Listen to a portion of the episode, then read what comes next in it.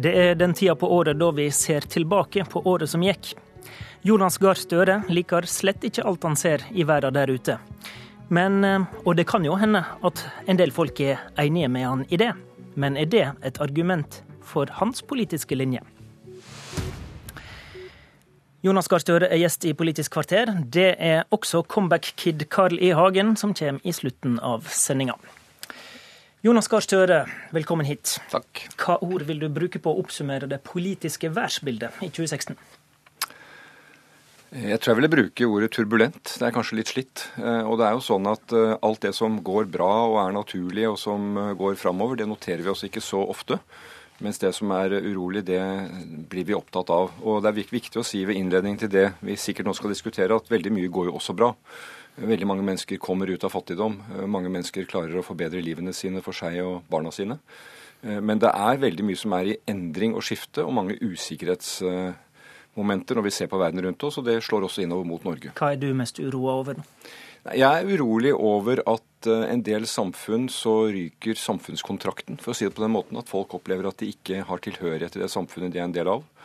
Toget har forlatt perrongen, de blir stående igjen uten jobber eller med dårlige og utrygge jobber og de opplever sosialt forfall. Snakker du om USA og Storbritannia nå? Ja, altså det interessante, Hvis vi ser tilbake noen år, så var alle opptatt av Hellas, og som har jo hatt en enorm påkjenning av økonomisk endring. Og man ventet at Hellas kunne gå ut av eurosamarbeidet. Det har ikke skjedd, men det er jo andre land som har valgt å gå ut og slå en annen kurs. Eh, Storbritannia bl.a. Eh, vi har reaksjonene i USA. Og det kommer jo fra et sted. Jeg tror ikke at politikeren som setter navn på det, f.eks. Donald Trump, er her det vi skal være mest opptatt av. Men hvilke spenninger er det som eh, utløser sterke reaksjoner? Og det er i stor grad økende forskjeller, redusert samfunnstillit. Og, og, og svekket tilhørighet til det nærmiljøet folk vokser opp i. Amerikanske middelklassen har ikke hatt økning i sin kjøpekraft siden tidlig på 70-tallet. Tvert imot så opplever de at de faller og de mister. Eh, og jeg tror at eh, en del av globaliseringens eh, pris er det, og det er et veldig alvorlig tegn. Du har ved flere høve i høst brukt den internasjonale situasjonen til å si noe om norske forhold. Hva mener du egentlig det å lære om Norge, da, av de tingene du drar opp der? Nei, Det er jo veldig rart om vi skulle si at Norge som et av de mest internasjonalt utadvendte samfunn er helt uberørt av dette. Og det jeg sier at det vi ser i mange av disse landene med store forskjeller, sterk framvekst på høyre- og venstresiden av populistiske partier, svekket samfunnstillit, at det ikke kan treffe Norge. Det er ikke sånn i Norge nå, men vi kan komme dit. Og jeg ser jo nå at ledende økonomer, også helt inn til Norge, sier at økonomene har sett noe feil. De har ikke skjønt at de økonomiske følgene, økende ulikhet, manglende omfordeling. Eh, det kan også treffe eh, vårt land. Senest var det Viktor Nordmann, professoren på Handelshøyskolen, som gikk av. Eh, som sa det i et interessant avisinnlegg og et foredrag da han gikk av. At nå samler rikdom seg rundt kapital. Arbeid blir mer utsatt, og særlig for de som ikke har god kompetanse. Og Det er lærdom jeg mener vi må trekke, og det mener jeg da er argumentet for at vi må ha politiske svar for at ikke vi skal komme dit, og at vi skal kunne opprettholde det som fortsatt er en veldig sterk samfunnsmodell eh, hos oss.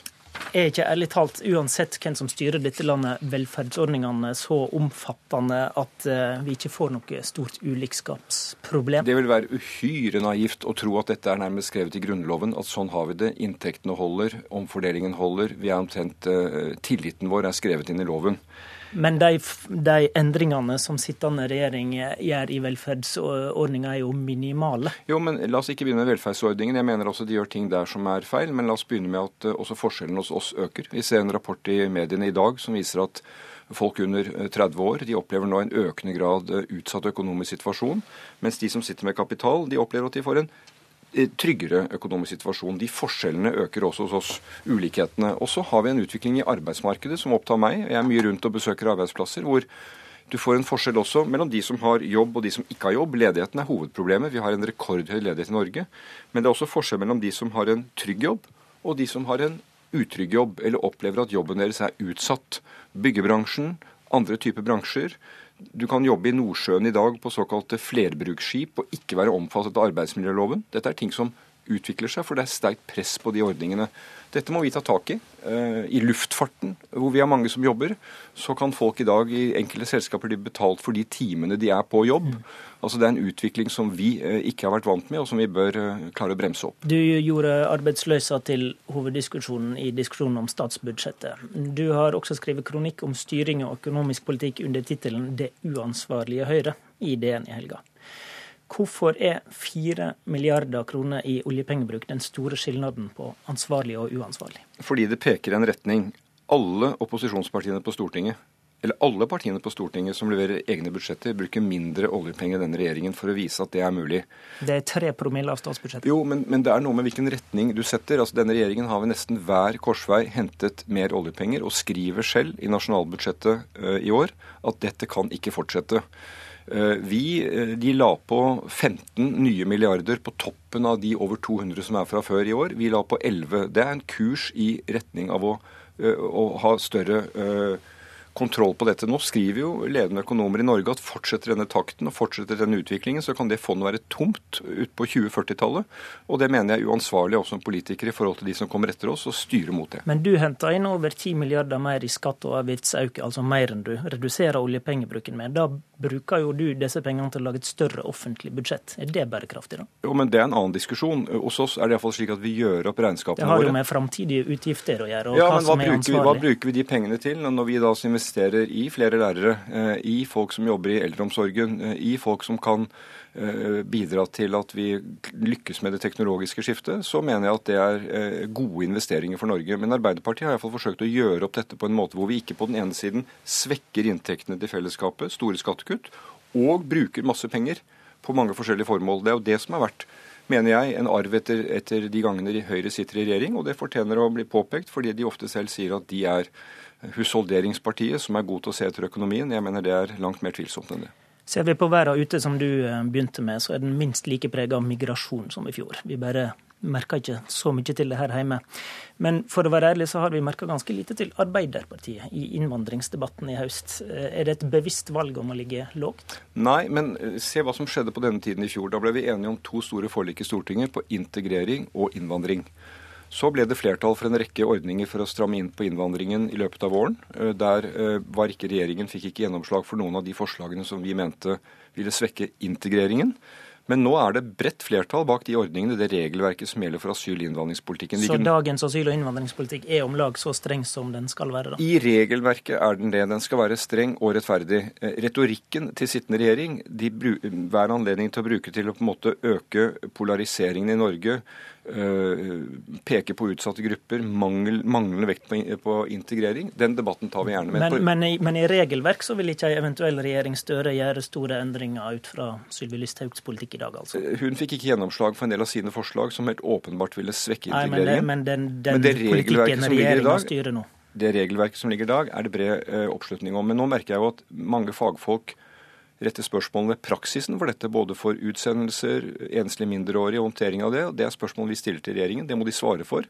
Hvis men dere har støtta de samme vedtakene? Ja, altså regelverk som ligger til grunn. Men det er jo vanskelige tvilstilfeller. Det opplevde vi også i regjeringen. Når du skal stå for utsendelse, skal stå for hvordan du håndterer uh, sårbare mennesker. Uh, og da mener jeg at på den ene siden så teller det hvordan du snakker om dem. Ord teller.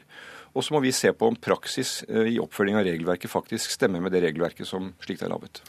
I Hellas sitter det over 60 000 flyktninger stranda i leirer. EU sliter med å fordele flyktninger. Bør Norge gjøre noe aktivt for å ta imot flere?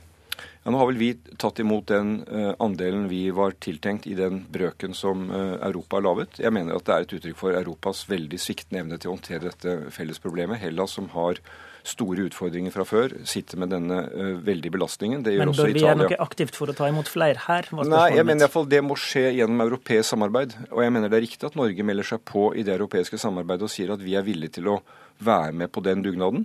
Men her er det jo også EUs mekanismer og EUs egne land eh, mange av dem som ikke tar imot noen, som først og fremst må rydde opp. Og så mener jeg som sagt at Norge, som har Eh, ansvarlige ministre med i dette samarbeidet når det gjelder eh, innvandring, bør eh, selvfølgelig være blant de landene som tar sin del av ansvaret. Okay, men du tar ikke til orde for at vi skal gjøre noe aktivt for å ta imot flere? Det må skje på europeisk nivå. Ja. Takk til Jonas Gahr Støre for at du kom hit til Politisk kvarter.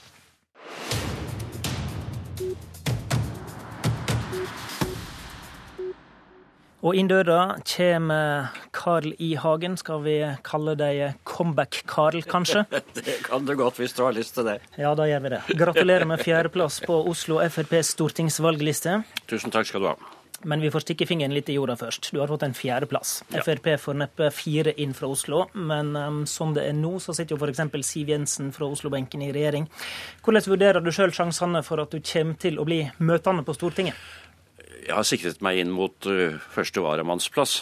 Og da vil vi jo selvsagt av og til møte på Stortinget når en av de faste representantene er enten syk eller på en eller annen reise eller på en internasjonal uh, møte. Vi kommer til å få sett til det, da, med andre ord. Tror du?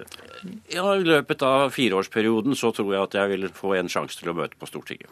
På hva område mener du sjøl er viktigst å endre på FrPs politiske profil nå? Jeg tenker hele tiden på Fremskrittspartiets profil eh, for den neste perioden. Ikke denne perioden hvor vi er bundet av samarbeidsavtaler og annet. Men jeg har nevnt eh, tre forhold. Det gjelder forholdene for pensjonistene, seniorene i landet. Det gjelder å bekjempe klimahysteriet. Og det gjelder å eh, stramme inn radikalt på innvandringspolitikken. Vi tåler ikke 400 000 flere innvandrere til 2030, som stort sett vil være en økonomisk belastning for det norske samfunnet og ødelegge det norske velferdssamfunnet. I dagens program, la oss ta klima, da. Der står det i dagens Frp-program altså, står det Frp forholder seg til at forskning viser at menneskelig aktivitet påvirker klimaet. Kan du stå inne for partiets politikk om en slik formulering blir stående for kommende stortingsvalgprogram? Ja, selvsagt, for du kan si at jeg aksepterer at det påvirker klimaet. Men okay. i en ubetydelig grad. Ikke noe som er noe problem, ikke noe som er noe vanskeligheter. Hvis det er ubetydelig, og det er flere og flere, vitenskaps, flere, og flere vitenskapsfolk sier nå at eh, det er ikke noe problem med CO2-utslippene. og Det var to grader varmere i vikingtiden, og det var ikke så mange som kjørte dieselbiler den gangen. Jeg skulle spørre, altså Hvis du mener det er ubetydelig, så er det vel kanskje ikke noe poeng at det står slik i programmet heller? Ja, det er derfor det står sånn.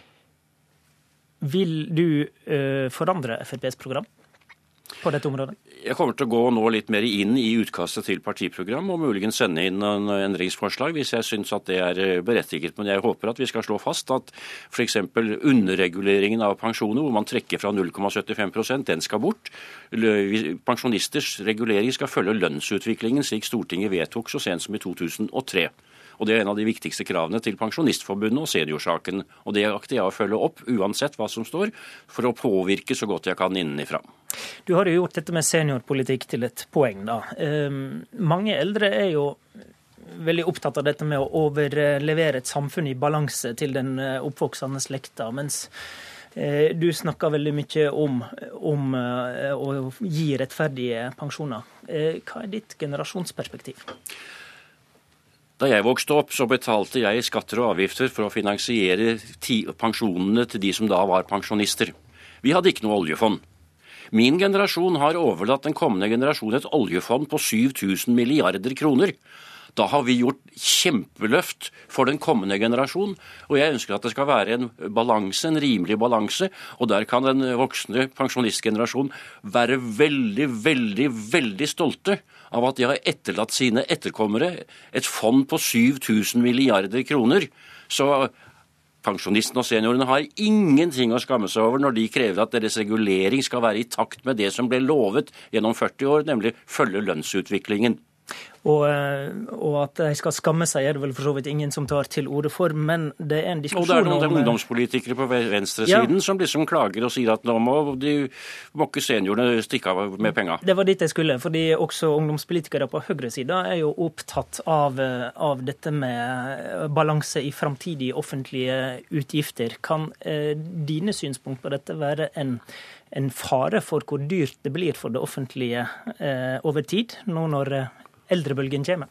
Overhodet ikke, for det er massevis av andre. Du kunne like gjerne kalt dette her istedenfor pensjonsfond et byråkratifond, så vi skal finansiere alle de offentlig ansatte i fremtiden. Så dette er bare noen som prøver å dytte dette på pensjoner. Det er ikke det som er det riktige. Hvor skal vi ta inn pengene etter ditt syn, da? Vi skal følge det systemet som vi nå har, hvor vi i gode år tar mindre penger fra fondet, og i dårligere år med stor arbeidsledighet, som vi nå har, så bruker vi mer. Vi ligger jo fremdeles langt under 4 %-grensen. Vi kunne bruke mer penger for å få ledigheten ned. Det hadde vært meget, meget fornuftig. Og så må vi i hvert fall stoppe innvandringen. Hver eneste innvandrer fra uh, Asia og Afrika, sa Brochmann-utvalget, kan gjennomsnittlig koste 4 millioner kroner. Da kan vi ikke ta 400 000 uh, til 2030. Vi er nødt til å få kontroll med innvandringen og bygge asylmottak og flyktningmottak asylmottak i Asia og Afrika. Vi rakk ikke den store innvandringsrunden her. Takk for at du kom, Karl E. Hagen. Politisk kvarter var ved Håvard Grønli.